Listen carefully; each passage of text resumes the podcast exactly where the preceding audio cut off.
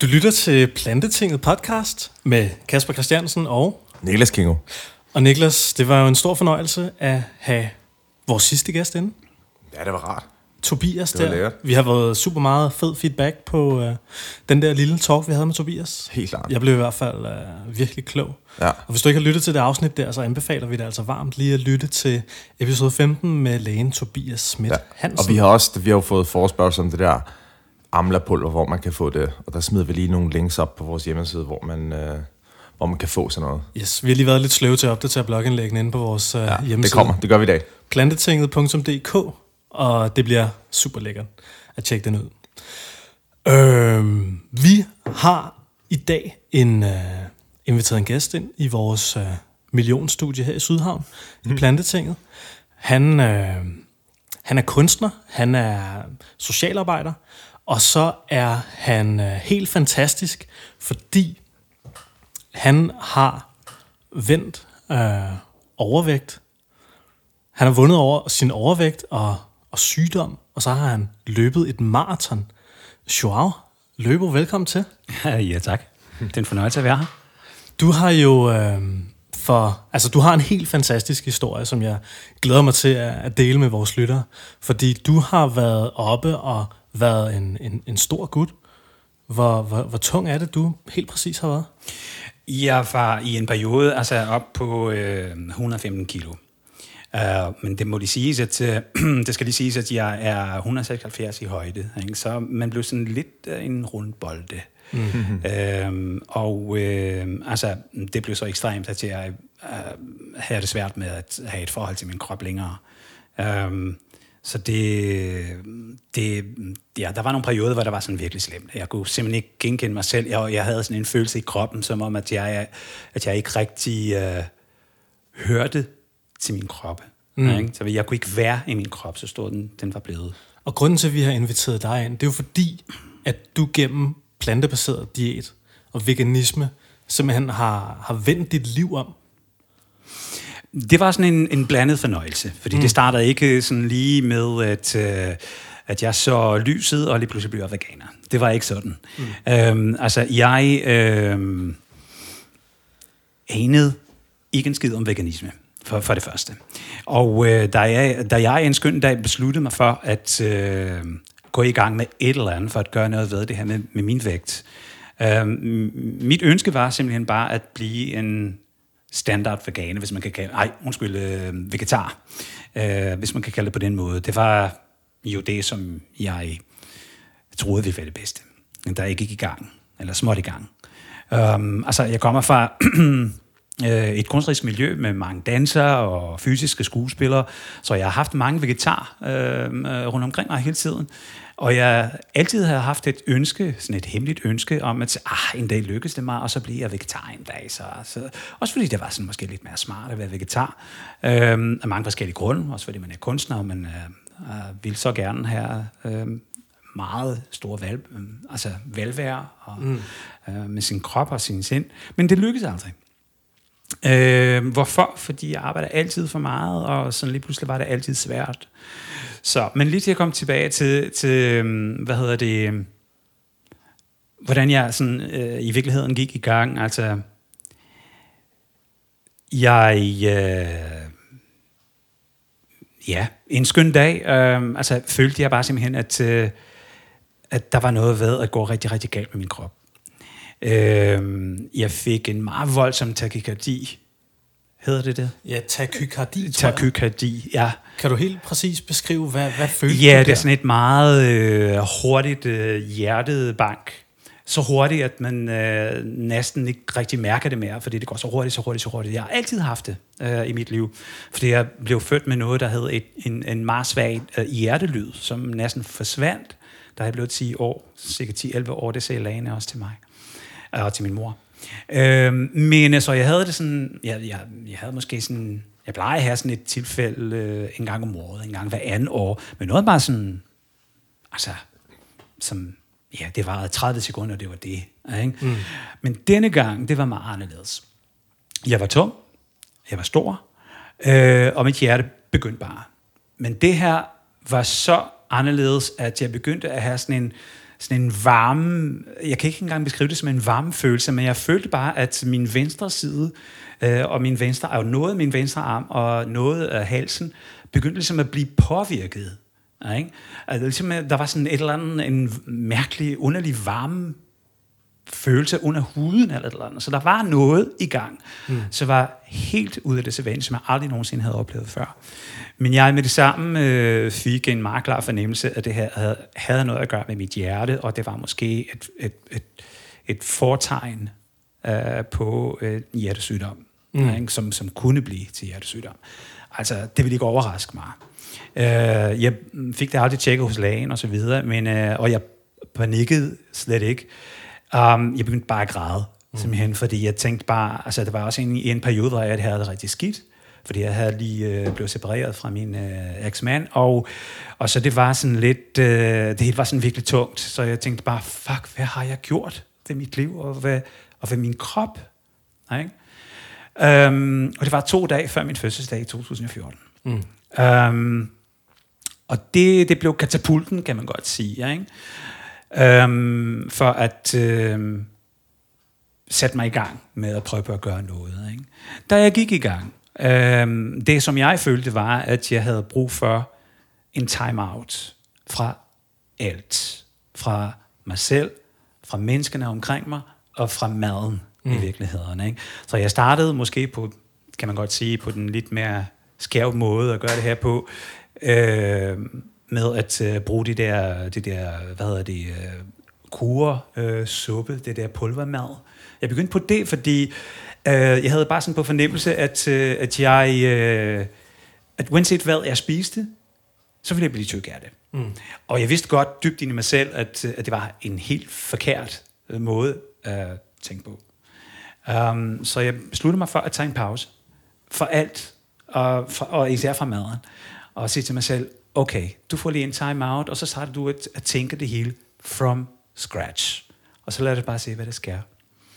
Og så stille og roligt, så da jeg fik sådan lidt mere ro i mig selv, jeg kunne se, at, at fordi man taber sig enormt hurtigt med de der supper der, ikke? Uh, hvis man holder disciplinen, det er jo klart. Men det, der, det er nogle jojo-kurer, og det anbefaler jeg slet ikke til nogen som helst.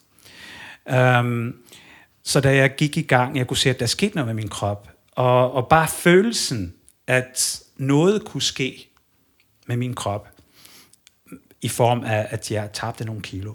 I sig selv var en kæmpe stor belønning. Og det gav mig, øh, hvad hedder det, øh, en, en, en fornyet følelse til at have flere, til at sætte flere initiativer i gang. Mm. Blandt andet at starte at undersøge rigtig meget omkring vegetarisme. Og så er det her, det starter, det hele starter. Ikke? Fordi øh, øh, på et tidspunkt så begyndte jeg ligesom at spise øh, almindelig mad, stadigvæk mælk og ost. Øh, altså, fordi jeg skulle være vegetar. Og, øh, og jeg havde fået ro. Øh, så kunne jeg også se, at jeg tabte mig stadigvæk, mens jeg var i gang med det, og at spise de rigtige ting, og stadigvæk nogle af de masse produkter. Mm.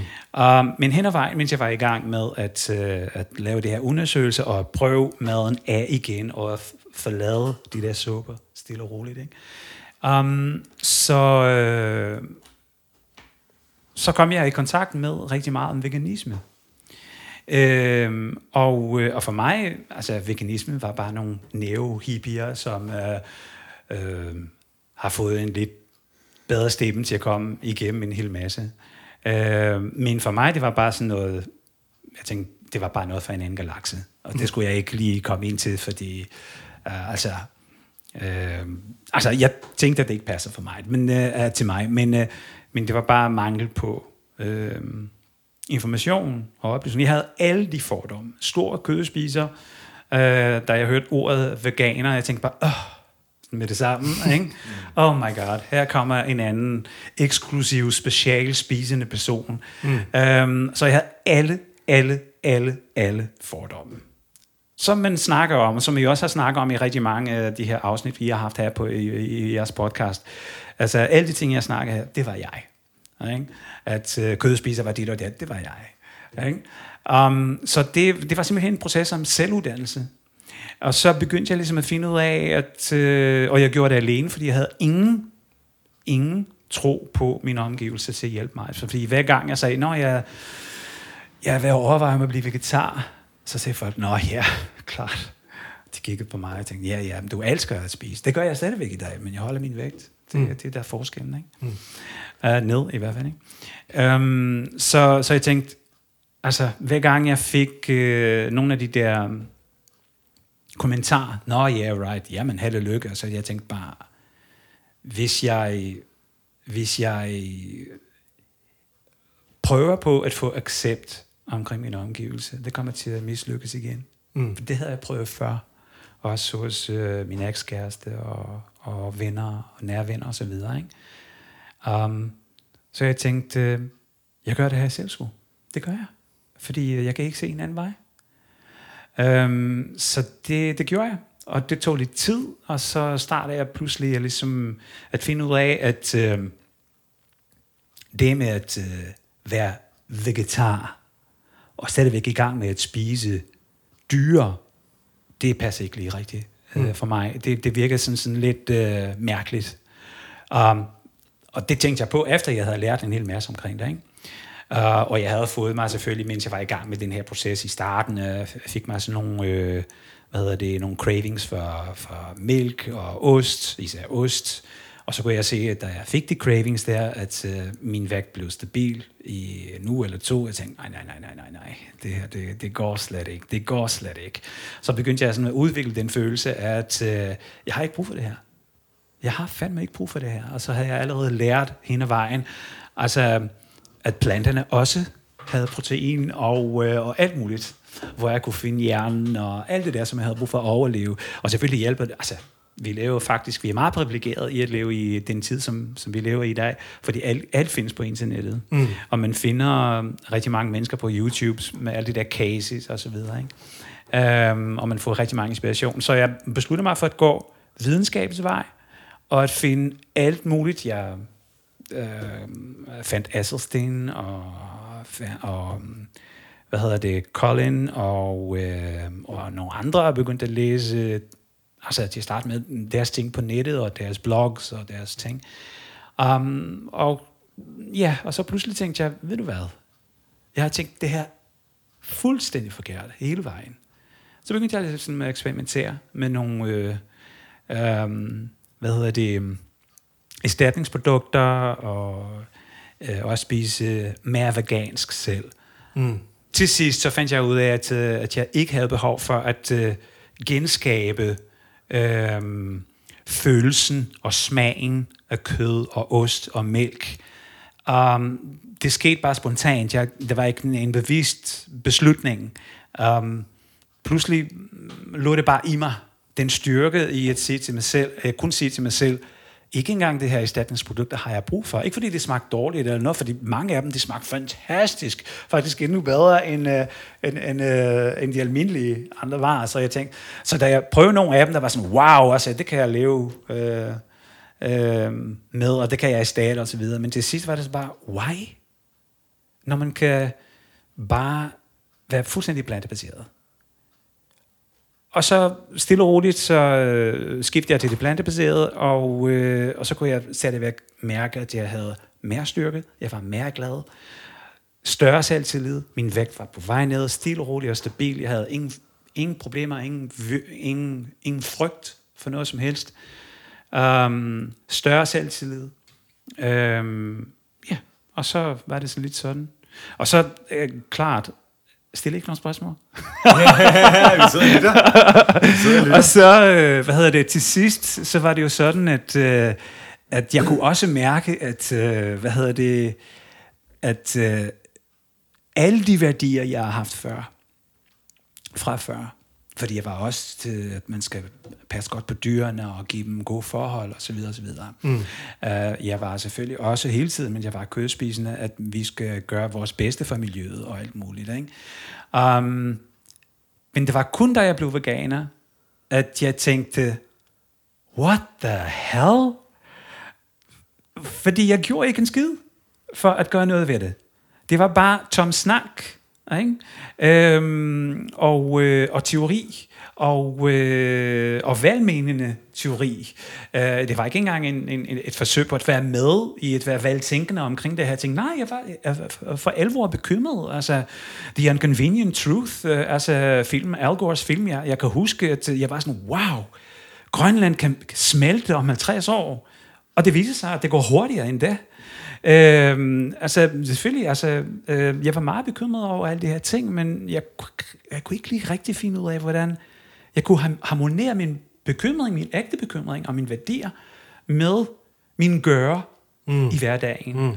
Og så pludselig kom det op øh, for mig, at øh, du skal bare blive, blive plantebaseret, og så er du i virkeligheden på et godt spor i gang med en, at lave, en, at lave og gøre en, en hel masse for, for dyrene, for er det helbred til at starte med, og for miljøet til sidst, det er jo klart ikke, også.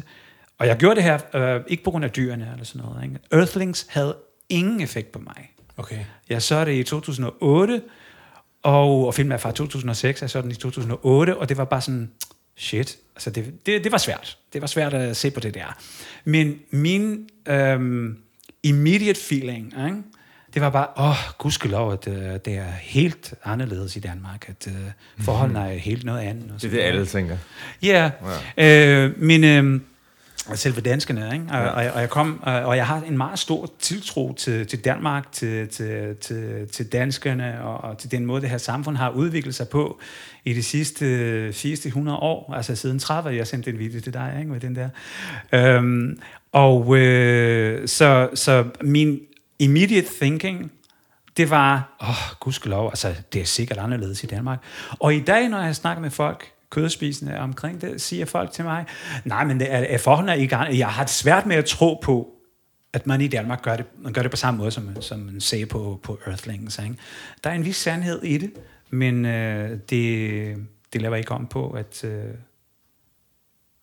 at det er en helt underlig måde at, øh, at bruge dyr på. Ikke? Mm. Vi har ikke brug for at spise dyr. Joao, på et eller andet tidspunkt i den her rejse her, mm så fik du den vanvittige idé, at uh, du gerne vil løbe et maraton. Ja. Yeah. Hvor, hvorfor, hvad, hvad, hvad, hvorfor kom du på det? Og hvad, hvad var det, du gerne ville bevise over for dig selv og verden ved at løbe det her maraton her? Det skal lige siges, at jeg har aldrig kunnet lide at løbe. Aldrig. Uh, hvis du skulle få mig på et, uh, en løbetur eller en jogging på fem minutter, jeg tænkte bare, åh oh, nej, jeg vil helst stå foran et spejl og danse. Øh, eller arbejde på en forestilling og lave øh, pirouetter og alt muligt. Ikke? Um, løb, det var kedeligt. Mm. Øhm, så det var ikke sådan lige med det samme, at jeg besluttede, at nu er jeg veganer, nu skal jeg løbe maraton. Ikke? Men jeg, jeg, er, altså, jeg passer lige til, til, til den kliché i virkeligheden. Ikke? Man bliver veganer, så løber man maraton. Ja. Uh, og jeg passer sikkert til rigtig mange andre klichéer as well. Altså, men, uh, men altså, det, der er sådan lidt sjovt, var, at jeg begyndte uh, faktisk at ro og at svømme. Det var det første. Okay. Uh, fordi jeg havde tænkt, uh, fordi jeg tænkte, at uh, jeg skal gå i gang med noget træning. Uh, og jeg havde blevet tynd nok, kan man godt sige, til at uh, håndtere at se på mig selv i spejlet i et studie, um, eller i et træningslokale. Uh, så jeg tænkte, okay, nu skal jeg væk med de sidste kiloer, nu skal jeg gå i gang med at træne igen. Så jeg begyndte at ro, altså indendørs, fordi jeg startede øh, i, altså, øh, i september måned 2014, og så nogenlunde samtidig så gik jeg i gang også med at svømme, hvilket jeg elsker at svømme. Ikke? Så det startede med det. Men blandt svømmerne øh, på min klub, der er mange løbere. Øh, så ja, så jeg kunne se, at der var nogen, der løb rigtig meget, og så begyndte jeg sådan at lære rigtig mange andre veganer også. Øh, ikke i den samme kreds i klubben, men øh, altså i andre kredser. Øh, fordi jeg tog ud og spise med nogle veganer og så videre. Der var mange løbere også. Øh, nogle af mine allerbedste venner i dag, øh, altså Matt og øh, Jakob, øh, som også var svømmer og svømmede meget i den periode, og veganer. De var faktisk veganere. Øh, øh, de løb også. Så det begyndte ligesom... Øh, altså, ønsket om at måske gøre noget ved det, begyndte ligesom at snige sig øh, lige så stille. Og en skøn dag sidste år i juni måned, så gik jeg bare i gang. Næsten fra en dag til den anden. Øhm, med nogle gamle løbesko og så videre. Ikke? Jeg skal bare lige få overstået en lille kirurgi på en, øh, en navlebrok. Sådan meget, meget små. Øh, jeg skulle bare lige ordne det, fordi jeg vidste, at jeg skulle træne lidt mere intens, men jeg, og det hele gik ud på, at jeg skulle svømme mere. Men jeg begyndte at løbe i stedet. Mm. Um, og så i forbindelse med det, så, øh, så besluttede jeg mig for, at jeg skulle koble et, et projekt, som hedder Cut the Crap. Um, fordi på mange tidspunkter i mit liv har faktisk handlet om at cut the crap og gøre, og gøre ting, altså at sige ting lige ud af posen nogle gange, for at få tingene til at fungere. Um, eller få tingene til at ske. Ikke? Det samme med, øh, med, øh, med det her projekt om at tabe mig. Det var sådan bare, shut the fuck up, og cut the crap, og gør det. Ikke? Øh, ligesom at tvinge mig selv til at gøre det. Og det lykkes. Og, øh, og det samme gør jeg øh, med øh, det her maratonprojekt. Det er selvfølgelig en lille smule mere anderledes, fordi øh, der er rigtig mange ting koblet til, og rigtig mange tanker koblet til, til det her projekt. Det, det handler ikke kun om at løbe. Okay. Ja. Så du gik simpelthen fra at have hjerteproblemer, simpelthen have, have forvarsler på takykardi? Ja, jeg fik aldrig hjerteproblemer. Jeg fik noget, der, der, der tyder på en meget stærk forvarsel for, at der var noget Og så til at, til at løbe et maraton her for, hvad er det nu snart? En Tre 10 uger siden. Tre uger siden? Tre år siden, ja. Hvor- Hvordan har, har det været? Altså, hvad, hvad er det for en fornemmelse, du sidder med her efter maratonet? Og kigger tilbage på den her lange periode. Det har jo på en eller anden måde, sådan som jeg har forstået dit projekt, mm. har det jo været... Det der, selvfølgelig handler det også om mere, men det der med at gå fra at være overvægtig, kødspisende, øh, til at være super fedt maratonløber. Og, og, og det har du fuldstændig... Altså, det er, jo, det er jo en ret vild historie. Jeg synes, det er ret fascinerende og, og fedt. Altså, det, er jo, det er jo sådan noget, man, man kun læser om i, uh, i nyhederne, eller ser på internettet og sådan noget. Ikke? Men det er, jo, det er jo fandme dig, der har gjort det, Joao. Mm. Øhm, ja, sådan et helt retroperspektiv. Hvad, hvordan var dit maratonløb, og hvad, hvordan synes du, hele det her forløb har været? Mm. Hvad, hvad for et menneske er du blevet til? Det ved jeg ikke endnu. jeg har ikke øh, histo- historisk afstand nok for at finde ud af, øh, hvad er det for et menneske, jeg er blevet nu. Jo, øh, et eller andet kan jeg sådan lidt fornemme. Jeg ved godt, at jeg bliver ved med at løbe. Det var det første. Mm. Ikke? Og jeg bliver ved og ved og ved og ved, indtil øh, jeg bliver så god, at projektet bliver, kan blive synligt nok for at skabe øh, debat. Mm. Ikke? Um, jeg synes, det er enormt dejligt, det, den beskrivelse, du kommer med. Altså, du gør mig næsten til Superman og så videre. Det, det er sådan virkelig sødt. Men, øh, men jeg er i virkeligheden meget ydmyg. Øh, altså, øhm, og, øh, og jeg har det sådan bare, at jeg føler slet ikke, at jeg er anderledes end rigtig mange andre. Altså, jeg har lige sagt før, at øh, jeg, jeg, føler i virkeligheden, at jeg, at jeg er sådan lidt en kliché i virkeligheden, ikke? Og veganer, bum, løber maraton, ikke? Mm. Mission accomplished. Um, men, uh, men jeg har det sådan bare, at uh, det er noget, jeg gør, fordi det er noget, jeg, jeg vil gerne finde ud af, om jeg kan eller ej. Og i den proces, om jeg kan engagere andre mennesker til at tænke sig om, og uh, ikke til at blive maratonløber. Jeg er ikke interesseret i at skabe nogle nye maratonløber. Hvis, hvis de hvis de, hvis de er der, hvis de kommer, hvis de bliver det, det er fint nok. Men, øh, men jeg vil gerne have folk til, snak, til at snakke om plantebaseret ernæring. Og, øh, så, så jeg har den her meget klar og tydelig dagsorden. Mm. Øh, øh, man kan kalde det måske en form for aktivisme, I don't know. Um, men, øh, men, men øh, igen, aktivisme er ikke en traditionel øh, øh, øh, Forstand. forstand. Ikke? Det kan vi snakke lidt om lidt senere. Hvordan gik maraton? Um, det var godt at, uh, at få det gennemført. Uh, jeg, var, jeg var glad og lettet, men jeg var ikke glad med det som, med mit resultat.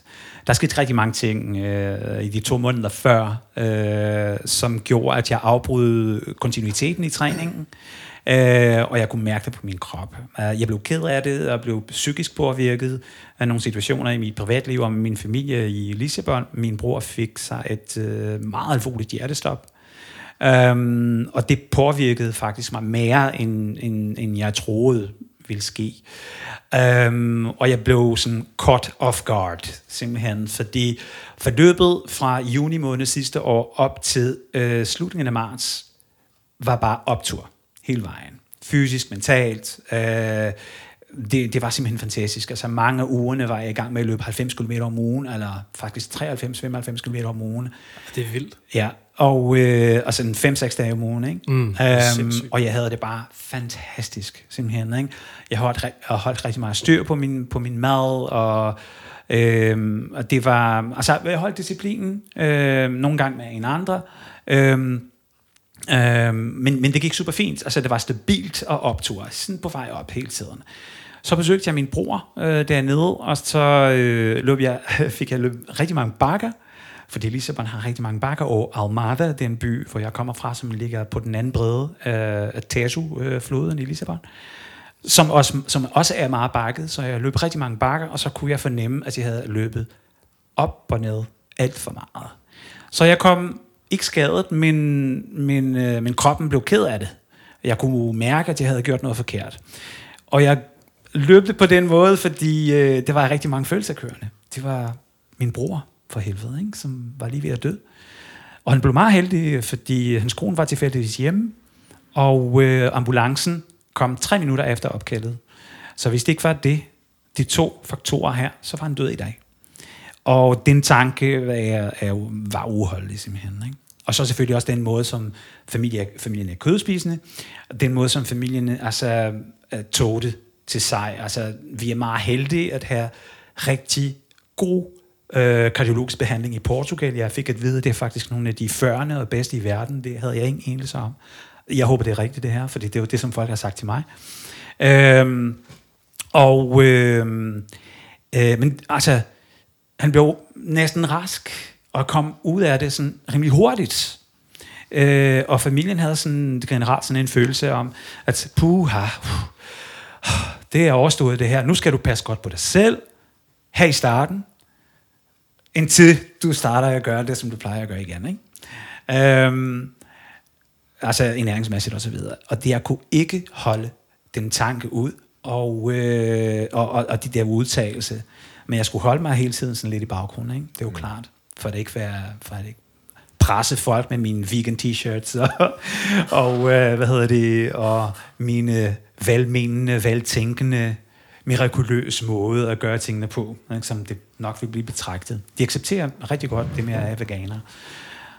En, øh, en anden ting, som jeg som virkelig sådan troubled me, altså i, i, i alle de her efterfølgende uger efter besøget, og det var nemlig, at øh, den første, de første måltid, som min bror fik på selve den kardiologiske afdeling, lige så snart han kunne spise, det var kød, fisk, æg, you name it, mælk, nemlig de, de, de ting, som, som har været årsagen for, at øh, øh, han fik udviklet det sygdom, var han næsten ved at dø. Han fik to stents i to øh, ar, øh, martyr til hjertet.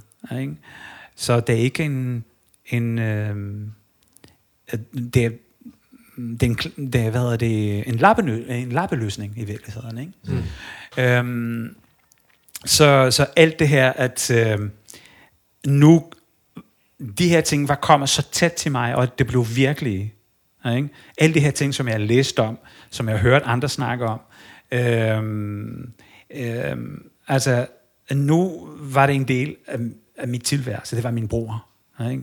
Min mor er også en meget syg kvinde, og hun spiser rigtig mange medicin. Øh, hun er 80 år gammel, men hun, har en, hun er enormt glad og har stor livsstyrke. Men, øh, men det er bunker af medicin, simpelthen, det tager. Og nu min bror har, I don't know, hvor mange, måske, jeg har set rigtig mange pille.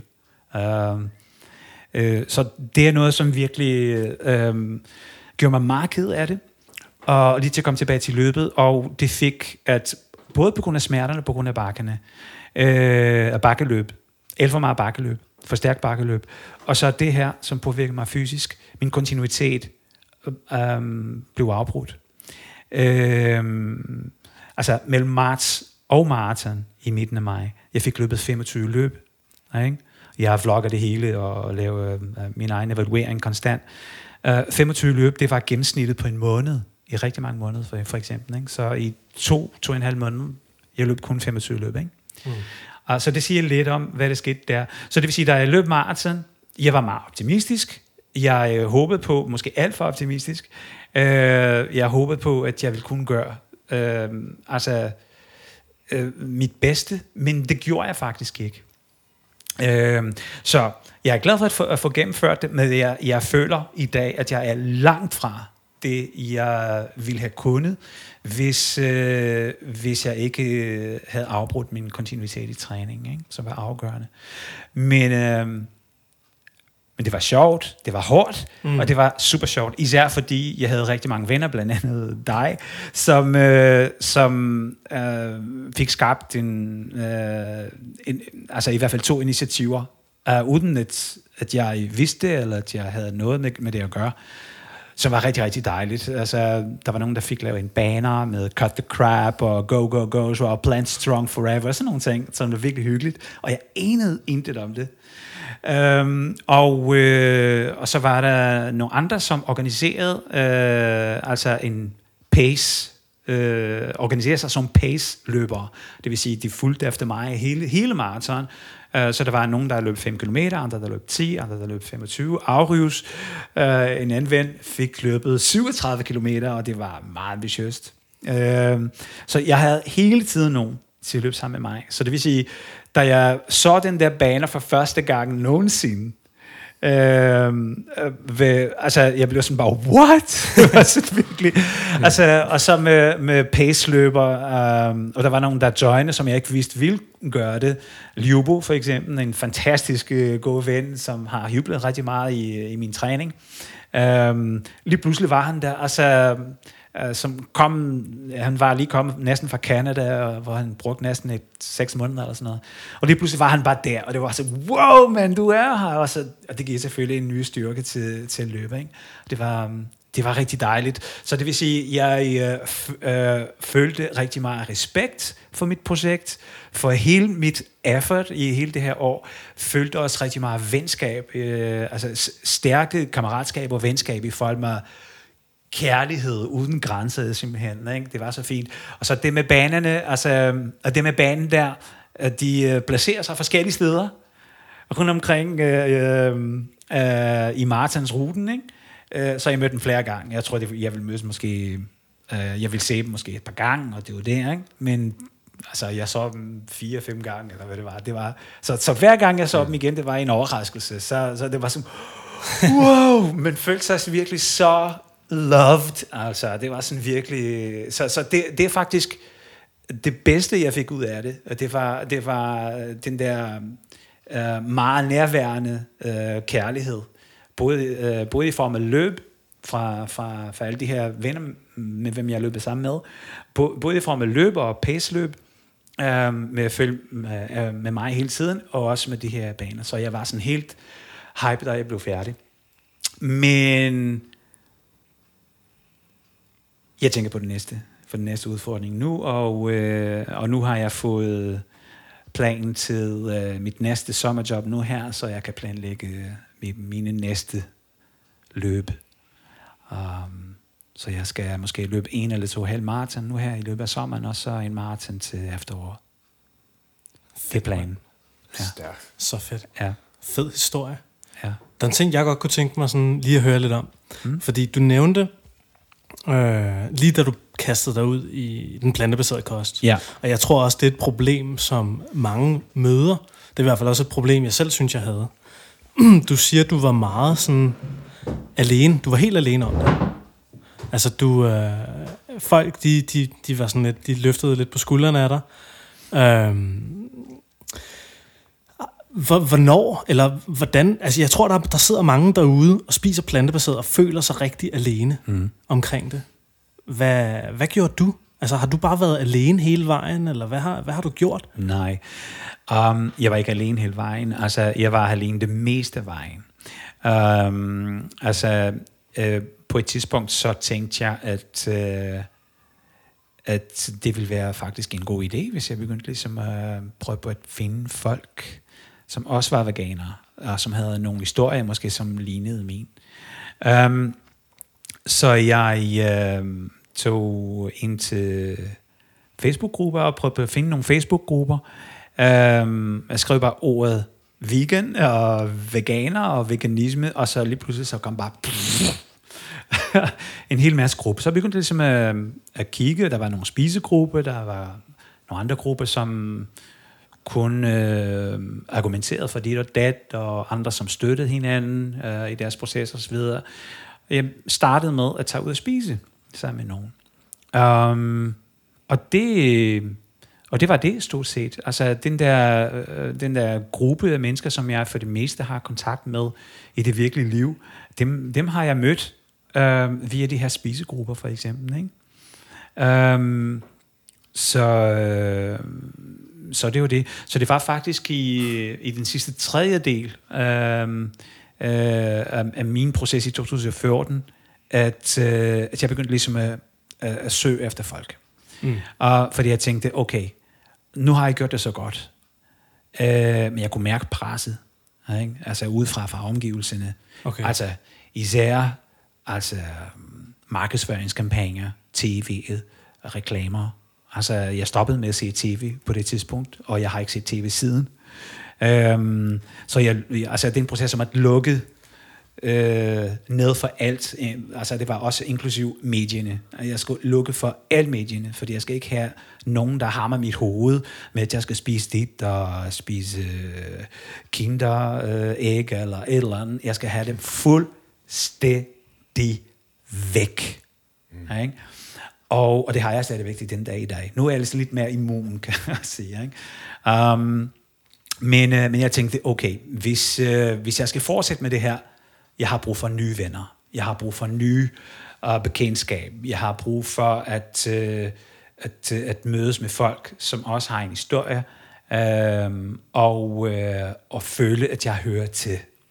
Ikke? Um, og det var det, jeg gjorde. Og det var en, naturligvis en langsom proces. Øhm, men jeg tror, jeg var enormt heldig, og, og øh, Øhm, da jeg begyndte ligesom at skrive lidt i grupperne, folk var enormt sød og, øh, og var så villige til at skrive tilbage med gode tanker og, øh, og ros. Øhm, det var sådan, jeg tænkte, wow, det, det her er en god beslutning, det vil jeg gøre. Så det vil jeg sige til folk, at hvis de sidder alene i Sønderjylland eller et eller andet, at de finder nogen altså online, øh, måske i det nærmeste største, største by, eller whatever, eller i, sin, i, sin, i sit eget område, som, som, som, som, som, som gør det sammen og starter ligesom at øh, udveksle tanker og følelser omkring det her, og, øh, fordi man lærer enormt meget fra andre, og man føler sig selvfølgelig stærkere. Det er jo klart, ikke? Um, fordi man ved, at der er andre out there, som er gået måske nogle langt mere besværlige processer end ens egen, for eksempel. Ikke? Nå, hvis ikke, så start jeres egen. Altså, hvis, du? hvis man bor et eller andet sted i Sønderjylland, mm. hvor der måske, du kan ikke lige finde noget på Facebook, hvor der står Tarm, veganergruppe, så opretter du bare din egen, altså. Ja, ja. Så kommer det helt af sig selv. Lige præcis. Ja. Uh, det, det synes jeg. Ja. Um, men også, altså hvis man kan lidt engelsk eller andre sprog, at gå, gå, prøv at finde nogle andre grupper uh, altså, um, uh, i udlandet at hvis man bor i et, i et område, som er sådan virkelig svært at finde nogle andre danske veganer, for eksempel. Ikke? Så, fordi det vigtigste er, at man får lov til at tale ud, hvordan man har det, og, øh, og, og, og spørge. Spørge løs om, øh, om hvordan man kan gøre det bedre, ikke? og komme med alle mulige såkaldte dumme spørgsmål. Fordi der er i virkeligheden ikke nogen dumme spørgsmål, fordi vi har alle sammen været kødspisere, mm. øh, så jeg tror nok, de fleste veganere har forståelse for sådan, nå, okay, du er stadigvæk i den, i den fase der, okay, godt nok. Så det er sådan, det er, det er sådan det, vi, vi skal gøre det, du skal tænke sådan og sådan og så videre, så videre, så videre ikke? Mm. Bare, man, bare man føler sig støttet. Mm. Ikke? Mm. Øh, efterhånden, jeg har også meldt mig til nogle øh, veganske grupper i udlandet, ikke? og jeg øh, kunne mærke lige nøjagtigt den samme form for kærlighed. Øh, faktisk, øh, de sidste øh, veganske grupper, jeg har meldt mig til i udlandet, det var faktisk portugisiske grupper, som ikke er særlig aktive, nogen af dem. Ikke? Hvordan er det i forhold til Danmark? Portugal, det er jo ikke særlig meget større land, vel? Jo, det er sådan mere? to gange større end nationalt. Er det så stort? Ja. ja okay. Øhm, altså, altså øhm, territoriet øh, er sådan to gange større. Ja, med hvad, et, det er Øh, under kø- 10 millioner, ikke? Er det ikke? Øh, 11 millioner lige der omkring. Ja, oh, ja, okay, så er det Ja, dobbelt 10-11 stort. millioner lige der omkring. Ja. Øhm, altså, veganismen i Portugal, jeg kommer ikke nok derned til, til at fortælle en hel masse om det. Ja. Øhm, men øhm, men øh, der er en boom simpelthen nu i øjeblikket. Der sker rigtig, rigtig, rigtig mange ting. Øh, der, mm, altså, der vokser med veganer på, på kryds og tværs og til højre og venstre. Altså, øh, rigtig mange veganske restauranter i Lissabon. Mange af dem er af højeste kvalitet. Mm. Øhm, der er rigtig mange initiativer, og her for nylig for eksempel, øhm, øh, er, der, øh, øh, er der blevet lov i Portugal, at det er øh, fuldstændig øh, ulovligt at ikke servere vegansk på statslige institutioner over hele landet. Hold op. Ja, det kom frem, øh, det blev til lov her i april måned. Og det er simpelthen fordi øh, øh, den øh, portugisiske vegetar øh, foreningen, de øh, besluttede sig for at lave en undersøgelse om, øh, jeg tror det handlede sådan for det meste om, øh, om, om folk synes, at øh, der skulle blive serveret mere vegetarisk mad. Øh, øh, i, i, rundt omkring i institutionerne, og især i statslige institutioner rundt omkring i landet. Og, øh, og, øh, og det fik et massivt resultat, øh, at folk sagde, ja, det synes vi, fordi folk er for sundhed, også hvis, hvis man er kødspiser. Man ved godt, at hvis man spiser hovedsageligt vegetarisk, at man er sådan lidt mere på den sundere side.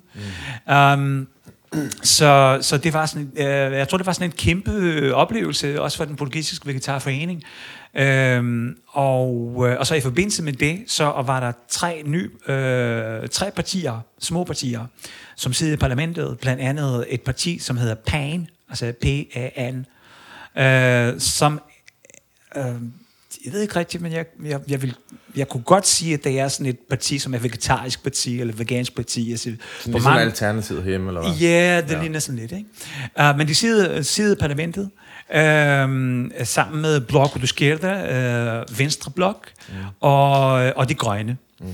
Og de, de tog fat simpelthen i, uh, i, i det her resultat, og så begyndte de at bearbejde en lovfor, uh, et lovforslag, og det tog noget tid, så blev det til et lovforslag, der kom igennem, og så var det til, til så skulle det blive stemt, og så gik det igennem.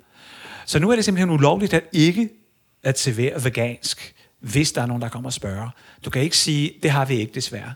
Mm. Du Det er, skal, det er jo mega fedt. du skal, du skal servere det. Du skal ja. finde ud af, hvordan du kan servere uh, altså for, for ellers kan du blive anklaget, eller den institution, som ikke serverer, uh, kan, kan blive anklaget for, at der var behov, og det blev ikke tilfredsstillet, når mm. der er en lov, der siger, at det, at det behov, hvis der kommer nogen med, med et behov med at spise kun vegansk, uh, det skal tilfredsstilles.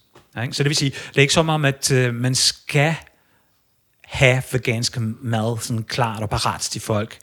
Uh, hvis der er nogle institutioner på nogle, på nogle dele af landet, uh, hvor det viser sig, og, og vi snakker om fængsler, skoler, alt muligt. Mm. Ikke?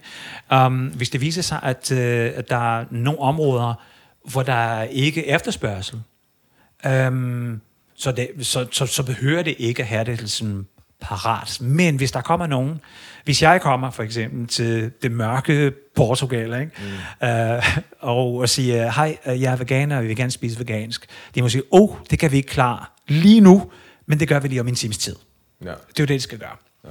Ja, ikke? Det er noget den har. Det er jo helt vildt. Men mm. det er jo også, altså, er det, er det ikke et ret sådan, øh, sådan forudtænkende land? Jeg tænker specielt med, med deres stoflov. Mm-hmm. Det er jo altså lysår forud for mange andre lande her i Europa. Ja, det er Hvordan rigtigt. Det var, det var, 90, var det 90'erne eller tidlige 2000'ere, alle stoffer blev gjort lovlige. Ja, lige præcis. Og alt Det blev for, afkriminaliseret. Afkriminaliseret. Der er en afkriminaliseret. forskel. Ja. Ja. men, men, og al krim- kriminalitet er jo bare faldet helt vildt. Helt markant. Og det er jo Så det er noget, som faktisk Danmark øh, faktisk øh, skulle lære, øh, i hvert fald øh, danske 100%. politikere skulle lære rigtig meget af, faktisk. Ikke? Mm. Og det er sådan lidt sjovt, fordi øh, øh, mange af mine danske venner siger, what? Og det skete i Portugal, og det synes jeg også engang imellem, det tænker jeg også sådan, wow, det kommer så lidt bag på mig, at det skete dernede. Ikke?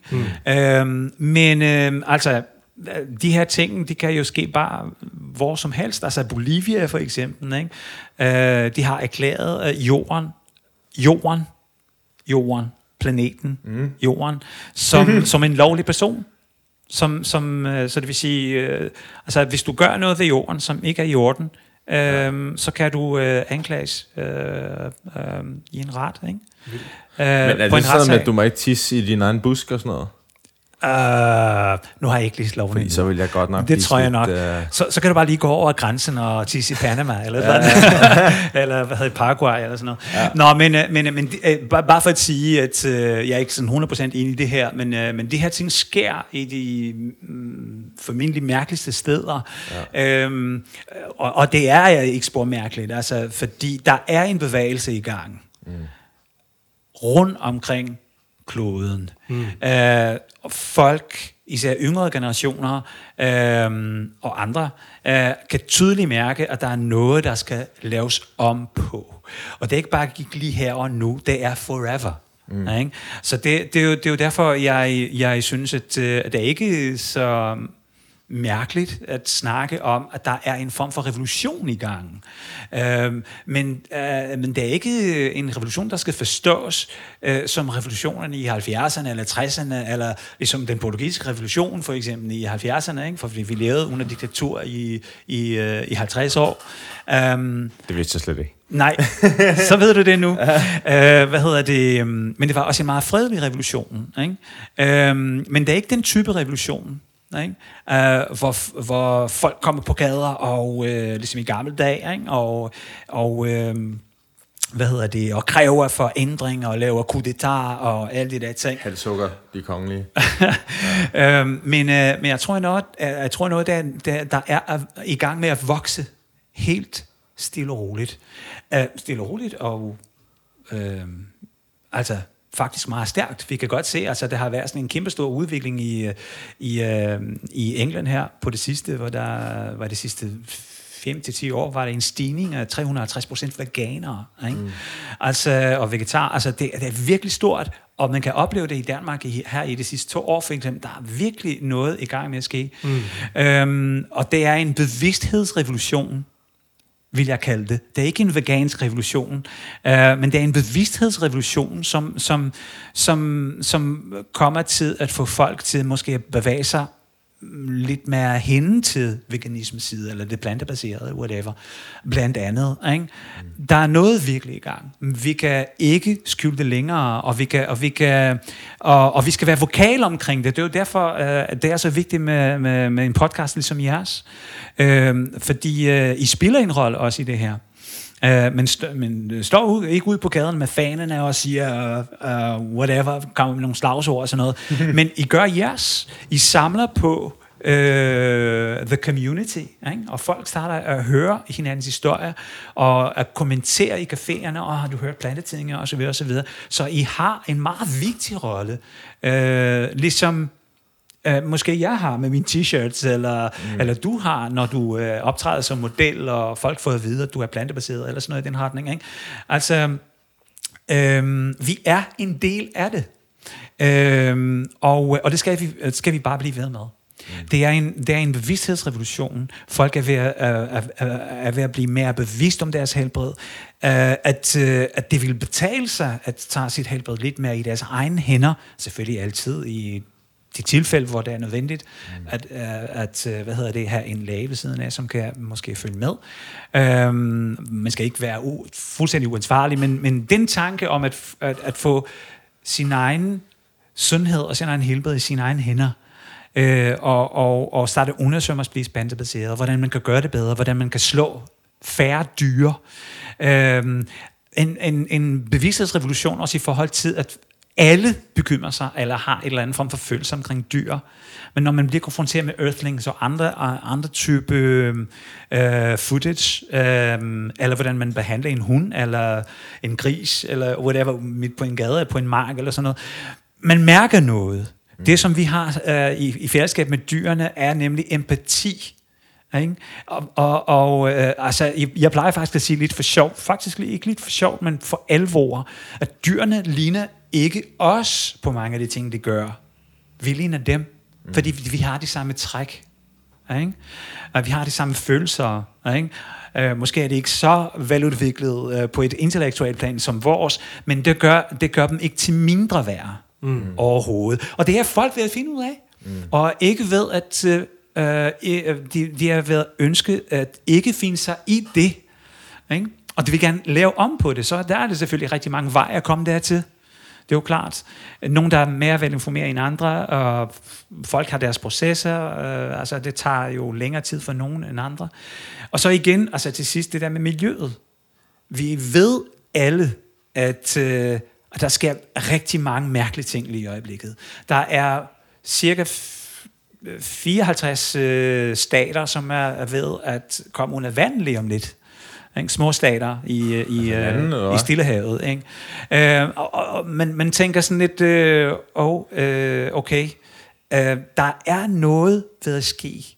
Øh, og, og den bevidsthedsrevolution øh, har noget med at gøre, at vi skal tænke more, mere planetarisk, hvis man kan sige det på den måde. Tænk uden for landegrænser. Ja, og tænk ud for dig selv. Det er jo derfor, når jeg siger, øh, at uh, Cut the Crap, også en, en uh, projektet Cut the Crap, er en... Uh, uh, et, et aktivistisk projekt. Jeg vil ikke sige, at det er et aktivistisk projekt på, på almindelig forstand, fordi øh, øh, det er ikke et aktivistisk projekt, ligesom, øh, hvad hedder det, Øh, og hvad hedder det, det action, action uh, direct action, direct action for eksempel, ikke? Uh, som ha- også uh, har en vigtig rolle uh, og har sin plads. Uh, det, det, det synes jeg, for de laver mange fantastiske ting og mange fantastiske aktioner. Uh, men andre gange, som man ser i USA, altså det sker også nogle ting, som ikke er i orden. Men uh, pyt med det. Alle form for aktivisme er vigtig, men, øh, men jeg tror nok, øh, jeg tænker aktivisme på en anden måde, øh, og jeg tænker øh, lidt på, at vi skal huske, at vi ikke er alene. Som individuelle enheder. Ikke? Vi er alle et. Ja. Vi hænger alle sammen, og vi kan ja. alle påvirke Det virker sådan lidt romantisk, og, og måske sådan lidt uh, new age-agtigt, ikke? Men, uh, men jeg tror, vi lever i nogle andre tider, hvor det er muligt også at sætte det i et helt an, anden kontekst, fordi vi kan mærke, at de her ting er ved at ske. Mm. Ikke? Vi får også nogle eksempler på ekstremvejr i Danmark ikke? som vi har aldrig haft før. Øhm, skybrud. Skybrud, og de øh, skærer oftere, og især om sommer, så de skærer oftere og oftere og oftere. Mm. Øhm, så det er vores form for ekstremvejr, som vi er lige begyndt at have.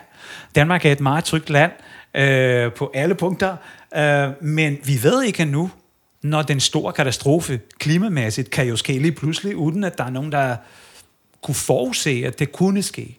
Ikke? Så fordi planeten er ved at tilpasse sig vores øh, øh, uforsvarlige øh, øh, øh, intervention mm. på kloden.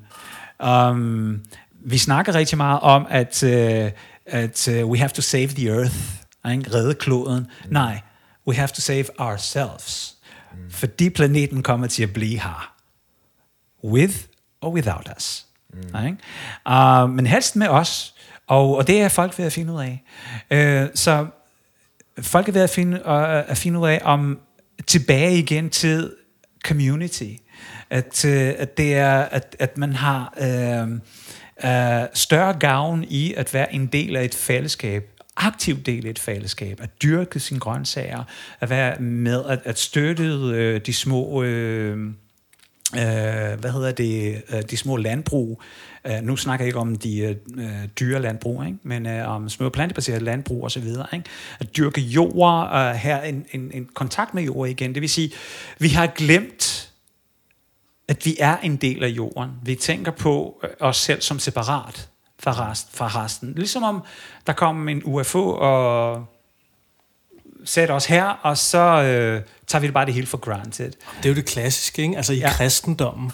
Gud skabte jorden, Lige så præcis. skabte Gud dyrene, så skabte Gud mennesket. Ja. Det vil sige, vi, vi er fuldstændig separerede entiteter fra alt andet. Lige præcis. Og, og, og den ligesom religiøse måde at se verden på, at anskue os på, det, mm. det, det er faktisk med til at fuck verden op. Ja, men, øh, men altså, øh, de der øh, øh, religiøse historier, de blev skrevet af mennesker.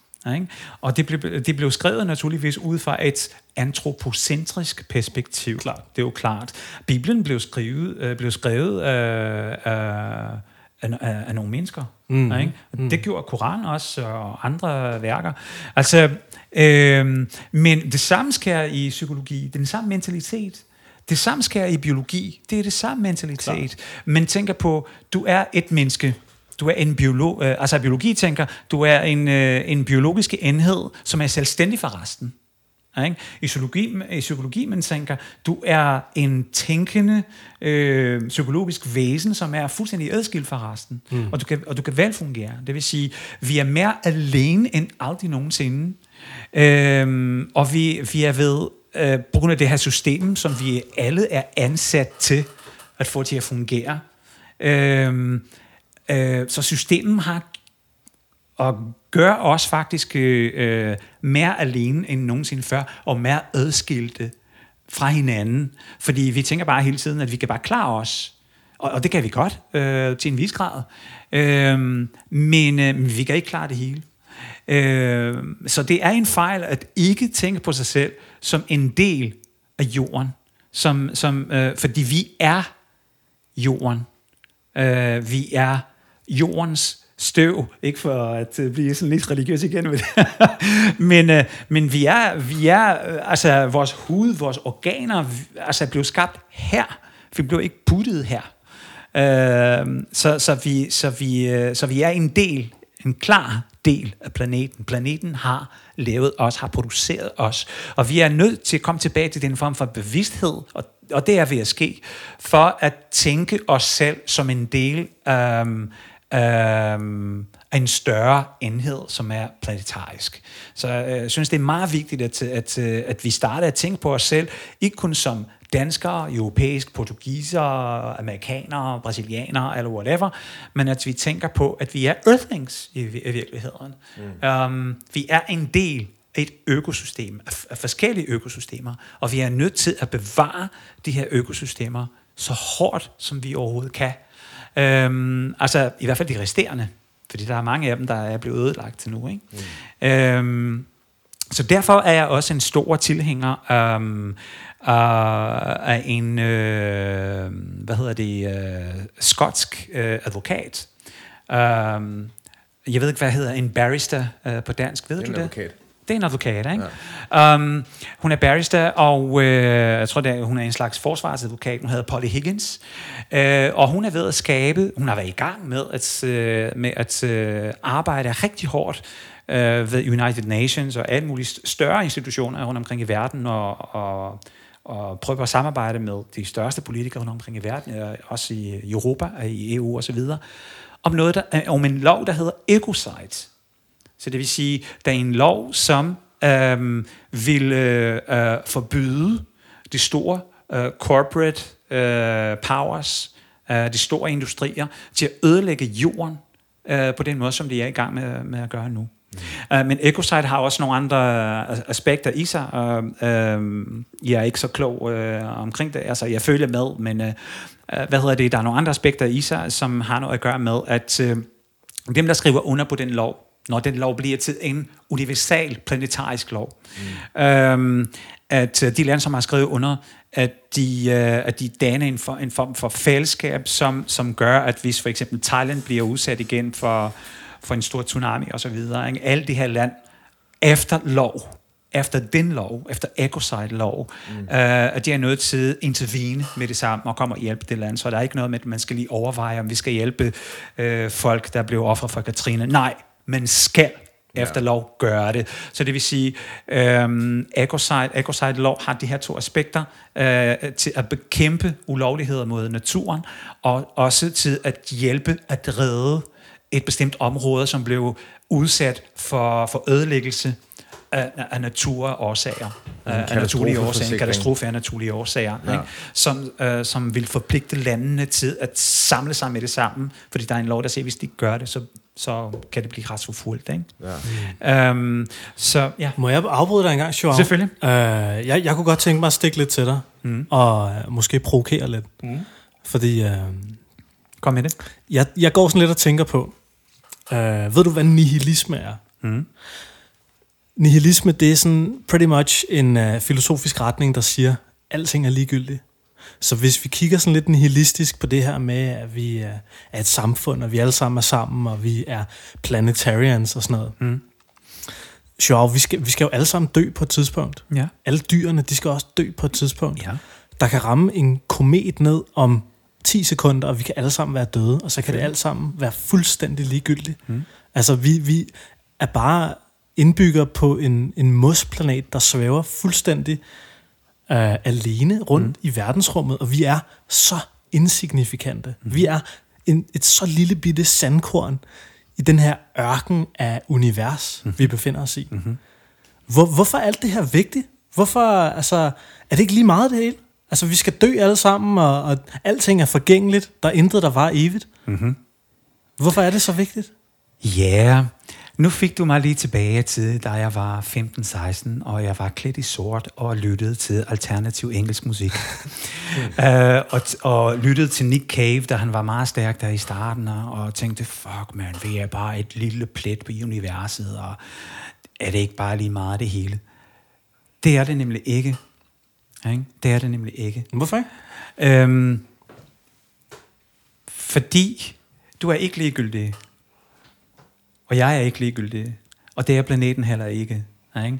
Og hvis vi, øh, hvis, vi, øh, hvis, vi, øh, hvis vi beslutter os for at, øh, at gå efter den vej, så kan vi lige så godt bare krydse vores arme, og så det hele blive, øh, blive bare altså, det store kaos. Ikke? Øhm, af et eller andet grund har vi organiseret os i samfundet, og har, og, og har øh, skabt kultur øh, og skrevet bøger for at, øh, at, at blive til noget mere end bare kaos.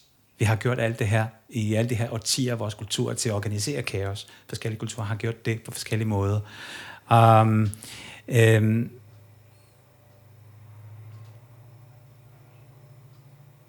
Det er en tænkepause. det er en tænkepause. Ja, fordi jeg havde lige noget i, i hovedet, og sådan pludselig øh, flugtede var, så forsvandt. Men det jeg vil sige, øh, jeg tror, der er ingen, øh, i hvert fald øh, vi, vi, jeg synes, i, i de her tider, for jeg vil nemlig at opleve øh, en, en, en form for øh, opkørelse med det her nihilistiske form for mentalitet. Øh, vi øh, skråstrej individualistisk, ikke? Øh, jeg kan huske for eksempel, da jeg kom til Danmark, jeg oplevede faktisk, at, at mine nye venner og klassekammerater i teaterskolen dengang, ikke? at de var sådan langt mere øh, selvstændige, og det var sjovt, øh, end det jeg var vant til i Portugal men også lidt mere individualistiske i den forstand, at, at, der var, at, at, at de havde det nemmere med at skabe en væg omkring sig, ikke? Uh, og at, at være individuelle og alene. Ikke? Øhm, og det var, det var lidt interessant at, at opleve det for mig.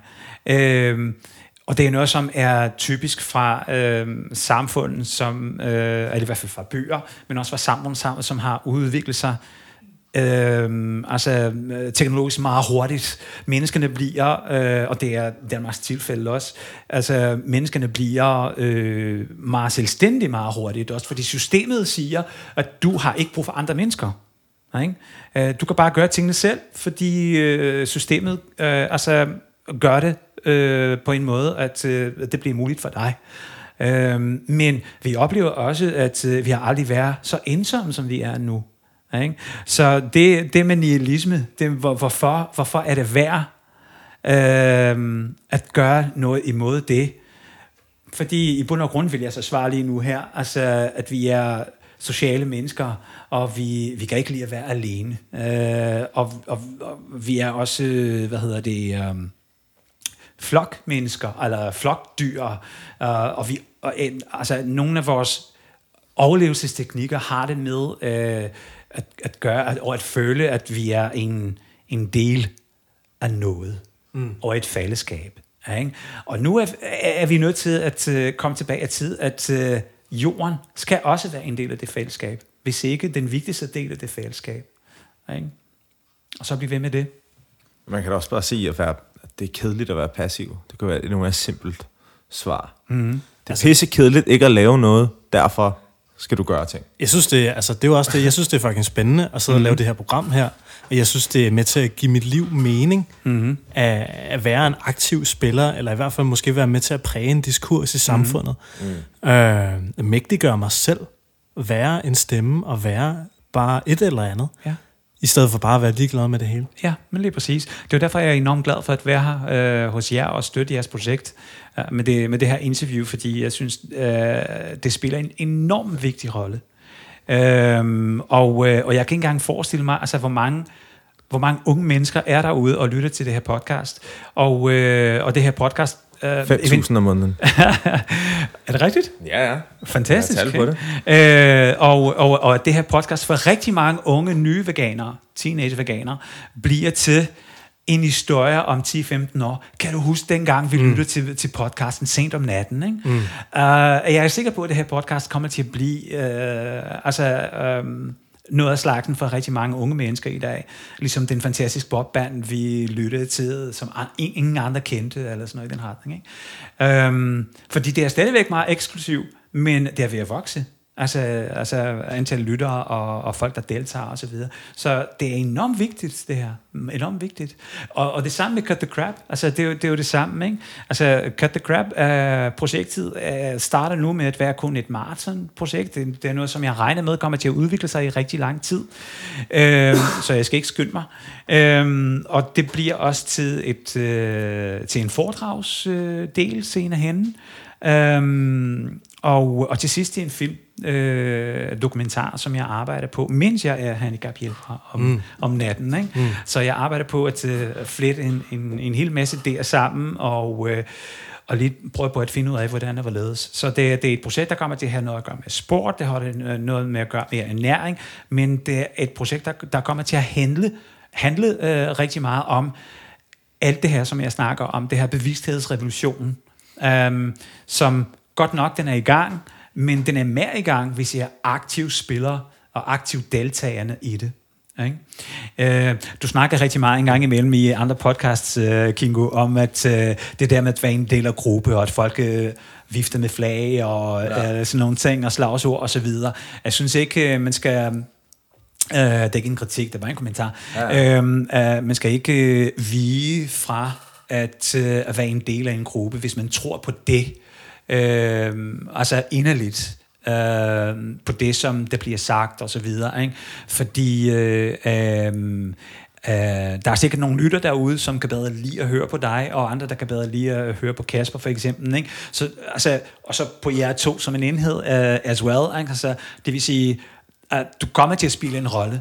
Uh, og fordi du allerede er veganer, uh, man kan jo selvfølgelig vælge, hvor aktiv man er i den her bevægelse, men bare fordi man er det, man er blevet det, så er man et eller andet sted øh, en del af den bevægelse. Ikke? Det er klart, fordi folk skal jo de skal kunne spejle sig i, det, øh, i dem, de, de, de vil inspirere sig af. Mm. Så jeg tror, for os, der, det, der, der tror jeg det er rigtig godt, at vi har en som Kasper, og en som mig, som er sådan to sådan meget forskellige... Øh, altså, jeg siger en masse, jeg kommer til at sige en masse dumme ting, og mm. griner ting, jeg, jeg ikke burde grine af, og sådan... Kasper er sådan mere vel, velformuleret, og øh, jeg, jeg, jeg siger bare ting. Der kommer en tanke, og så, så lige pludselig kommer det ud af min mund. Det er da lige meget. Fordi øh. du, rammer, du kommer til at ramme forskelligt end Kasper. Ja, ja. Og, og det er jo det, der er vigtigt, at man rammer en bred vifte af folk. Lige præcis, kan... lige præcis. Det er dejligt med at lige uh, komme med en, en griner i midt af noget seriøst snak, og så er jeg faktisk overrasket, at du ikke er kommet med nogen endnu. Ja, det, jeg sidder og lyttet, jeg og lyttet. men, uh, men jeg synes, det er enormt hyggeligt, faktisk, ja, ja. ikke? når du lige klar. kommer med et eller andet, som, wow, man bliver sådan lidt, oh, okay, shit, okay, så er vi tilbage på sporet igen. Ja, ja. Uh, så så det, det, er, det er super hyggeligt, synes jeg. Jeg har også skrevet til jer på jeres, på jeres blog, ikke? At, eller på jeres Facebook-side, at I skal bare banet så meget, som jeg har lyst til, fordi det, det, det, er, det er de mennesker, I er nu. Uh, og det er, så, det er sådan, uh, altså de fleste unge mennesker også snakker, så det er, det er jeres sprog. Så det skal I bare blive ved med, og lægge rigtig mange e eksplicit som muligt ja. rundt omkring for det der. Fordi, fordi det er den måde, I får det til at fungere. Der kommer sikkert nogle andre, jeg har ikke lyttet til Martins øh, podcast endnu. Martin gør det på en helt anden måde. Mm. Øh, og en dag i fremtiden kommer jeg også til at lave en Cut the Crap øh, podcast, og det bliver på en helt anden måde. Ja. Så, så, så, og det er det, det, den forskellighed, som er faktisk vores styrke. Så det, det med at være øh, en del øh, af en gruppe, man kan sagtens være en del af en gruppe og være anderledes. Mm. Og bidrage med det, man har i sig af ægthed. Ikke? Øhm, så så det, det vil jeg bare sige. Jeg synes ikke, du skal dramatisere det så meget. Nej. Selvfølgelig, at jeg har det også lidt det med, at, øh, fordi jeg er sådan lidt en ekstrovert, introvert af natur. Jeg er meget åben og meget social og så videre, og så har jeg nogle øjeblikke, hvor jeg skal, åh, jeg har haft nok af det, jeg skal bare væk, ja. jeg skal tanke op.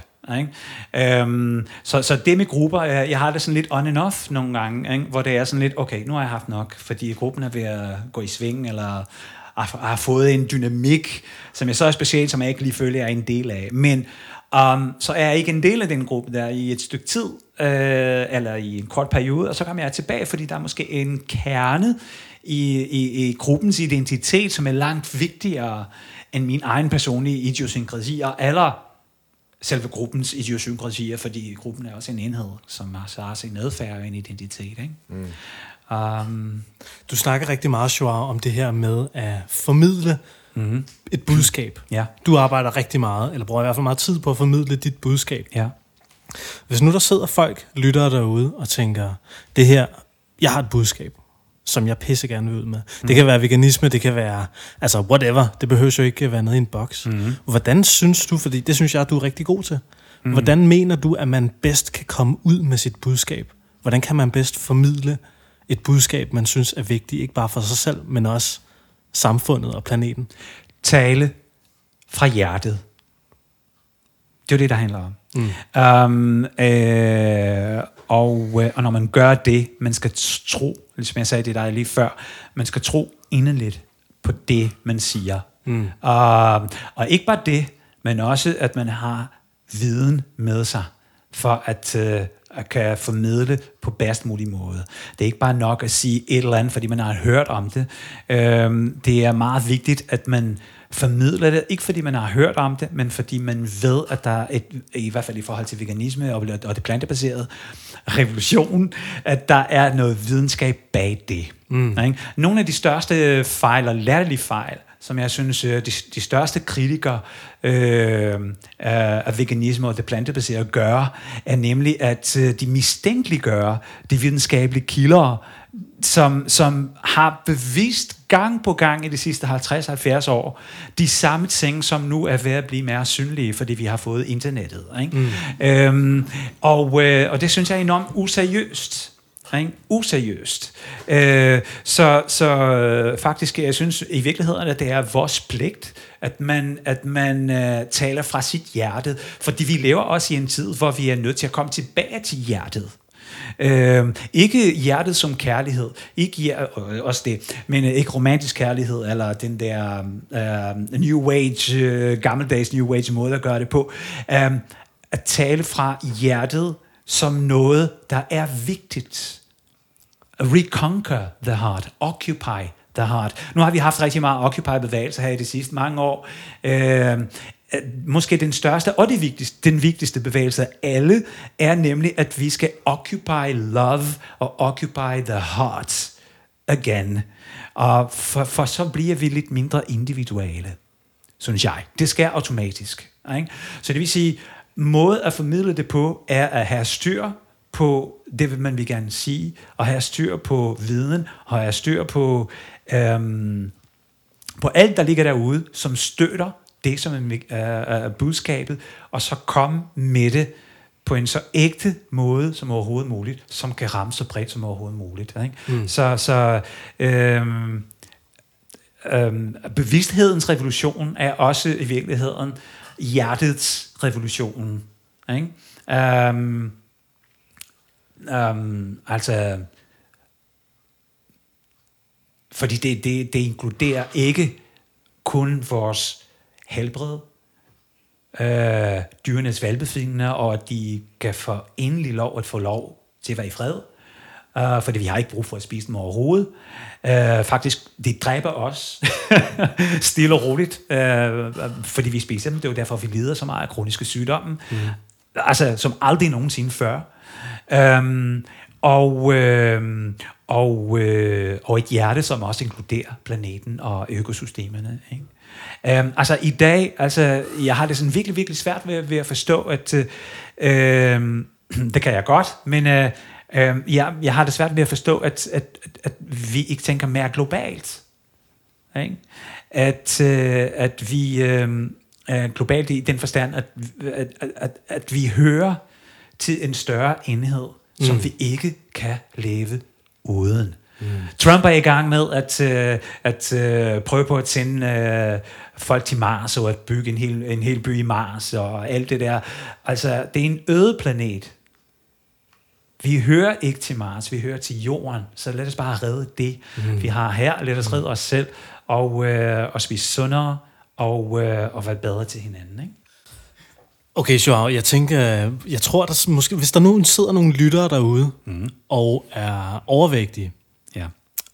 og øh, håber på at kunne blive sundere, raskere, slankere, mm. måske begynde at dyrke sport igen.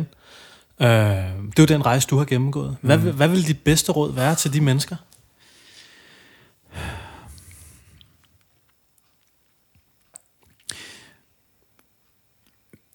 det, det er lidt svært for mig, fordi jeg har ikke været en, øh, jeg har været svær overvægtig, øh, men jeg har ikke været øh, altså tung og svær overvægtig i, i rigtig lang tid.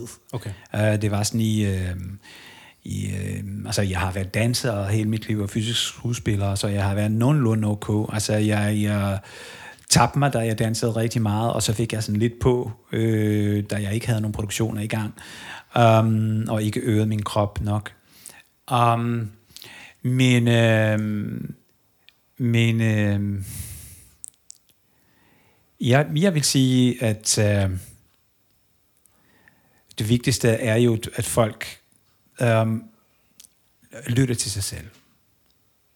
Det er, det er det bedste sted at starte. Øhm, det var det, jeg følte i hvert fald i, i forhold til min proces. Øhm, at jeg skulle øh, lytte til mig selv og holde fast. Mm. Ikke? Øhm, og ikke bare gå i gang med en hvad som helst øh, slags kur, eller noget som helst. Ikke? Fordi de fleste kurer, de er usunde, og de er jojo-kur om det er en pulverkur, eller en paleokur, eller et eller andet. Øhm, hvis man skal gøre noget ved det, så, så, så, så, så, så øh, er det vigtigt, at man gør det rigtigt. Og at man øh, undersøger, øh, hvordan man kan bedst muligt få et godt resultat ude øh, af plantebaseret næring. Og det er ikke fordi, man behøver nødvendigvis at tabe sig enormt meget med, med plantebaseret næring. Det behøver man ikke. Um, men øh, og man behøver ikke at spise 100% sundt øh, som veganer. Øh, så det vil sige, øh, point one, lyt til dig selv. Uh, og, og, og, og, og til det, som du, du ønsker inderligt. Og, øh, og skriv det ned. Skriv det ned. Skriv, hvad er din dagsorden? Ikke din drømme, men hvad, er det, hvad, hvad, hvad din indre revolution skal, skal, skal handle om, vil jeg sige. Øhm, og så øh, skriv mere og mere om, hvad man synes måske, hvad er det for nogle benspænd, man kommer til at mødes med, med nogle problemer, med nogle øhm, ting, der bliver måske enormt svært. Skriv dem ned, og øh, få dig en tanke. Gør det til en bevidst proces om at erobre dig selv og din krop. Øh, det synes jeg er mit bedste råd. Øh, øh, øh, ja, jeg tror ikke, jeg vil gentage det. Og vi har også en uh, ting i plantetinget, en fast kategori, Ja. der hedder ugens Tip. Ugens tip. tip, tip, tip, tip, tip. Ja. Jeg kommer med ugens tip. Ding dong. Igen denne gang. Fordi jeg er jo lige... Det er noget, mig og Kasper har talt om før. Jeg plejede at starte hver eneste dag med sådan en stærk kop kaffe, lidt plantemælk i, og så sødmiddel. Og øh, Hvad var det for noget? Stevia? det var, var det øh, Hermesetas? det var Hermesetas. Det var det. Det var det. Det har også været stevia nogle gange, så har jeg været sådan lidt bedre, så brugte jeg stevia, så fandt jeg et eller andet brand, der smagte godt. og, øh, og for et par dage siden sagde jeg, for jeg, jeg var helt så godt klar over, hvor usundt det var. Og hvordan det fuckede med ens øh, hjernekemi, og hvordan ting smager, det, sådan, det bliver overstimulerende. Ligesom når du får en whatever bar fyldt med, med bearbejdet sukker, så cutter jeg det fuldstændig ud, og det er vildt, hvordan at, at øh, mad er sådan, det er sådan kedeligt på en god måde nu. Altså det, øh, det er sådan, ja, for det første, så kan jeg være, er jeg meget bedre til at bare spise den hele flød, fødevare. Wow, spøgelser. Shit. det var spøgelset, det der. Ja, det var det. Meget bedre til at spise hele fødevarer, i stedet for at sige, ej, vent til at komme hjem, fordi så kan jeg få noget, der smager mere godt, så kan jeg lave smoothie, hvor jeg kan putte mine fucking dråber i. Og, øh, og så for et par dage siden, så var jeg bare sådan, fordi jeg fik hele tiden sådan, jeg mærke, at jeg var mæt, men jeg ville bare hele tiden have mere. Mm. Så smed jeg bare det hele ud. Smed alle de ting, jeg havde smidt i skraldespanden. Mm. Altså alle dem med sødemidler i? Eller? Ja, okay. For eksempel, som om jeg havde sådan en hel kasse bare med, med rottegift. Aspartam. Ej, det var sådan to flasker eller sådan noget. Og øh, så smed jeg det ud. Og nu er det sådan... Når jeg spiser, så er der ikke rigtig noget af det. Der, det smager sådan lidt kedeligt, men, men det er ikke generende. Nej. Det er som om, at, at, øh, at sådan, når jeg er færdig med at spise, så er jeg færdig med at spise. Altså, der er jeg- ikke sådan, oh, hvad, ej fuck, jeg har stadig lyst til at æde et eller andet. Mm. Det er helt væk. Og det er, øh, det er nederen om morgenen, for jeg savner godt nok den der kæmpe kop kaffe der. Øh. Nu drikker jeg bare vand, og det smager bare af røv, når man vågner med den der helt tørre mund. Og Gør det det? Så gider bare, ja, jeg hader at drikke vand om morgenen. Jeg synes, det er det bedste. Er det Bare sådan få sådan en læskende halv liter vand. Jeg drikker en halv liter vand hver morgen. På Jamen, det ugen- gør jeg også. Før, før jeg børster tænder, eller efter jeg børster tænder? Øhm, Før. Jeg gør det før. Ja, det, det er sådan lidt øh, op First for mig. Ja. Men, øh, men altså, for, for det meste, det, det er nok lige det, det første, jeg gør om morgenen. Ikke? Altså, øhm, altså, maven bliver sådan godt fyldt, mm. øh, og så kan man jo gå sådan fungere. Øhm, og så er der rigtig mange fordele med at øh, komme med ny vand ind i kroppen. Ja, helt klart. Man er jo helt første. dehydreret, når man vågner. Lige præcis, lige Ja. præcis. Og så spiser jeg bare en time eller halvanden time senere, hvis jeg spiser morgenmad. Ja. Og så. Helt sikkert. Så det er i hvert fald ugens tip, det er, at hvis ikke jeg cutter dem ud, så gør det. Det er altså en rigtig god idé. Og det behøver ikke være, altså I kan godt drikke en Cola Light på et eller andet tidspunkt. Det behøver ikke være så fucking straight and narrow, men i hvert fald vær med at putte dem i al maden og sådan noget, fordi det, altså når I stopper med det, så, så smerter det samme. Så er det det samme, og så er du sådan, du har ikke, du får ikke lige så mange craving som aften og sådan noget, så det er ugens tips. Jeg, jeg går ikke ud fra, at der er særlig mange af lytterne her, der bruger, øh, der bruger fake Sødemidler. sødemidler og sådan noget, men Altså, jeg, jeg har shunnet sødemidler i nogle år nu. Mm. Uh, jeg undgår det virkelig. Jeg kan virkelig smage, hvis der er sødemidler i Mm. mad nu, eller i drikkevarer. Mest i drikkevarer, sådan noget aspartam og, mm. og sorbitol og stevia og sådan noget. Mm. Det er sådan, det, er- jeg, synes, jeg synes, det smager kemisk. Mm. Jeg kan ikke lide det. heller ikke stevia. Jeg, kan- nej. Nej. Fordi stevia, der er jo ikke, altså med stevia, der er ikke så meget videnskab på, at det skulle være skadeligt for noget som helst, men det er bare stadig det der med, at, at, at ting kommer til at smage af lidt for meget. Mm. Det der med, at det er jo også det samme med, hvis man bare er vant til at overdynge sin mad i ketchup eller sådan Ja, noget. jeg har, jeg har øh, lidt stevia liggende, øh, men jeg bruger det næsten aldrig. Hvad, hvad var det for noget? Stevia, Ja. øh, det der pulversukker Ja, ja, stevia, ja, ja. ja. så jeg har sådan en lille dunke med det, og den ligger bare der stille og roligt. øh, og jeg bruger den bare kun, hvis jeg laver en smoothie, og tilfældigvis frugterne ikke smager så meget, og er Hvis ikke lidt de er modne, eller hvad? surlige. Hva? Hvis ikke de er modne frugterne, eller? Hvis det er lidt sådan lidt syrlige smag, og, Ja. ja. og, og, og stadigvæk på grund af, og, eller på, trods blandingen af forskellige frugter, at, ja. der, at de syrlige øh, kommer sådan lidt mere frem Ja. øh, i smagen. Ikke? Så bruger jeg en lille smule stevia, bare, lige sådan, bare til at af, bare en lille smule, og der er en ja. lille bitte teske, ja. øhm, bare lidt til at afbalancere det. er jo Det er jo det. det, er jo det. Mm. Ja, jeg drikker ikke kaffe mere, er det meget sjældent. Så. Hvad spiser du så på en dag, Joao? Uh, det er meget forskelligt, men lige nu, i den her periode, altså, jeg uh, sp- spiser for det meste frugt i virkeligheden, ikke?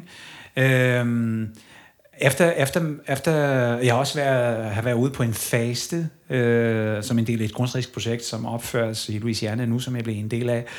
Øhm, og, øh, og efter den fase der, så kom jeg sådan pludselig næsten magisk, på en magisk måde, uh, lige ind i lige nøjagtigt den samme tilstand, som øh, mentalt, som jeg havde, da jeg var i gang med at tabe mig som veganer, som nybagt veganer. Så det vil sige rigtig mange frugter, rigtig meget vand, øh, og så en lille smule starch. Ikke? Øh, og så, øh, så, så det er jo det, jeg faktisk skal gøre nu. Faktisk i dag øh, har jeg spist to kæmpe vandmeloner, og øh, mm, godt nok nogle bananer, og vand, og det har faktisk været det i dag. Mm. Men jeg har lavet nogle, øh, noget couscous med nogle grøntsager og så videre, som venter lige der, til jeg kommer hjem. Mm. Øhm, og så spiser jeg, ej, jeg spiste også nogle, et par appelsiner. Øh, så jeg, jeg har været sådan lidt i gang her i løbet af dagen. Men... Øh, Øh, og, og jeg spiser øh, altså liggende i min seng, altså når jeg har fri, og det har jeg nu, fordi jeg venter for det her kunstneriske de starter snart, så jeg har fri til næste uge. Øh, så jeg spiser bare, mens jeg ligger i seng og læser og lytter til Mogwai og Radiohead og så videre. Ikke? Så, og Plantetinget podcast. Elsker Mogwai. og Plantetinget podcast, ja. Selvfølgelig. Det gør jeg. Jeg hørte, jeg hørte jer i går øh, øh, i København, faktisk, ikke? Øh, men jeg havde den på, på mine høretelefoner. Ja. Fedt. Så i hvert fald nu, det er jo det, sådan, jeg spiser. Altså før maraton, øh, jeg tror, jeg var sådan lidt out of control. Og jeg var i gang med at overspise øh, rigtig mange carbs rigtig meget protein, altså fra selve mad, ikke pulver. Øhm, og, øh, og det havde lidt en effekt, fordi jeg tog en lille smule på. Mm. Øh, fordi, som, som jeg sagde i starten af vores podcast, jeg løb de der 25 løb, men jeg Altså, og det var det i to, i to måneder, og det var det, jeg plejede at løbe i, i en måned. Og jeg brugte, og jeg fortsatte med at spise på samme måde øh, i de her to måneder, så jeg endte med at ikke bruge det energi, som jeg spiste. Så jeg tog en lille smule på. Og nu er det kommet tilbage igen på samme sted, så jeg føler mig let og stærkt og super klar i hovedet. Og, øh, og jeg overvejer faktisk, øh, jeg flørter lidt med tanken om at, øh, at øh, sætte mere på øh, at blive frugtivor. Ikke? Øh, altså, hovedsageligt frugter, altså jeg, jeg vil aldrig blive det 100%, mm. øh, tror jeg ikke, fordi jeg elsker starch, og jeg elsker kartofler, mm. og jeg har mm. ingen øh, sundhedsårsager, øh, ligesom Louise øh, øh, har haft, til at undgå det. Så jeg tror nok, jeg vil bare ligesom forstærke øh, øh, det antal frugter, som jeg spiser, og gøre det som en endnu større del af min dag, mm. øh, som Øh, altså det, det har jo været nu her i hele den her periode, men gør det faktisk som en rigtig stor del af dagen. Og så pynte med starch og nogle andre ting. Nu er det jo også sæson. Altså frugterne i supermarkedet lige nu, og hos grønhandlerne, de er jo sindssygt gode. Det altså man kan stadig ikke få charon, siger jeg bare. Nå, det men det er jo vinter, det er jo en vinterfrugt. ja, jeg er så træt af det. Jeg overvejer, jeg overvejer når det bliver vinter, så købe en kæmpe kummefrys og bare fryse dem alle sammen ned. Ja. Jeg, når, når, når, de kommer, når de kommer, hver gang de kommer, så spiser jeg måske sådan 3 kilo om dagen. Jeg har aldrig spist har du aldrig spist det? Nej, det er så godt. Nej. Det er så godt. Det er den Nej. bedste, den bedste frugt. Jeg fik nogle i Kalifornien sidste år, der bare lignede, de var sådan brune, det lignede, nogen havde lagt dem i ovnen eller sådan ja. noget. Og de var bare, altså, wow. Og heller ikke uh, durian. Uh, det har jeg ikke smagt endnu. Har du heller ikke smagt det? Nej. Nå, shit. I, I skal være min uh, vejleder. Ja. Vi, skal, vi skal tage ud og spise nogle durians og sådan ja, noget. Jeg ved, jeg, jeg ved ikke, om man kan jeg få det. det. Det har vi snakket før, ikke? Man kan få det et sted i København, ikke? Durian? Ja. ja. Du kan få dem i de der teg af grønhandlere. De der asiatiske forretninger lige ved hovedbanegården, ikke? Ja, mm. ja. præcis. Jeg købte faktisk uh, jackfruit på dåse forleden. smagte helt udmærket. Ja. Stærkt. Det var, uh, det var et god overraskelse. Det smagte ikke, ikke, ikke særlig meget anderledes, når du køber det i en bark i, i Bangkok eller wherever. Sygt. Så det, var, det kan anbefales. Det kan man få mange, uh, også den tyrkiske grønhandler, mm. uh, jackfruit. Men det skal være den i sirup, og så kan man altid bare være sirup med, hvis det er. Ja. Uh, og ikke den i brine, altså i lage. Fordi den, den er til, til at lave sådan noget pulled pork mm-hmm. erstatning. Øh, og det smager grimt på egen hånd. Altså, mm, det smager fint, ja. hvis du laver det, men du kan ikke bare så spise det af dåsen. Det er klart. Ja. Hvad det hedder, Joao? Øh, vi skal nok til at lukke ned for dagens program. Ja, Desværre. allerede. allerede. men øh, jeg tænkte på, har du noget, du sådan afslutningsvis vil sige til vores lyttere, eller ja. sige til os? Helt sikkert. Um, giv alt på nær undskyldninger og cut the crap fra vores støvede argumentationer, øh, fra vores tallerkener og fra miljøet. Det, det er noget, der dækker bredt. Men øh, jeg synes, vi skal virkelig, virkelig som samfund øh, få det her kørende øhm, altså blandt hinanden som en grundtanke, at vi skal give alt, vi har i os selv, for at gøre det rigtigste for vores sundhed, for dyrene og for miljøet. Så det vil sige, give alt på nær undskyldninger. Giv alt. Og, og, og spotte, hvor vores dårlige vaner i vores argumentationer er at starte at gøre huset rent. For det er jo det, vi skal. Så giv alt på nær undskyldninger og cut the crap. Og med det, Niklas Kingo, skal vi lige så stille og se og lukke dagens podcast. Yeah. Du har lyttet til Plantetinget podcast, og vi er på iTunes, på Facebook, på Instagram. Du skal smække en anmeldelse inde på iTunes. Giv os nogle Ja, stjerner. og der brevkast, skriv til brevkast. Der er ikke nogen, der har skrevet den her uge. Eller Nej. øh, jo, de har bare ikke skrevet nogle spørgsmål. Nej. Skriv ind Men til altså, vores... vi bliver bombarderet med altså, bare ikke spørgsmål. Bare fanbrev. Og, Men øh, du kan i hvert fald skrive ind, hold det kort, hold det lækkert. Uh, skriv et spørgsmål til mig, Niklas, eller bare sådan helt generelt, hvis du er nysgerrig på noget. Vi er, vi, vi, altså bare skriv, altså vi, vi chiller bare. Øhm, ja, og følg os på iTunes, like os på Facebook, skriv en anmeldelse på iTunes, der fik jeg vist sagt. Så er der vist ikke mere ja, at tilføje. bare, nu siger vi farvel. Ja. Tak for den gang. Ja, Ses. det var mig Hey. en fornøjelse. Tusind tak, Sjov. Godt. Ses. Tak. Hey.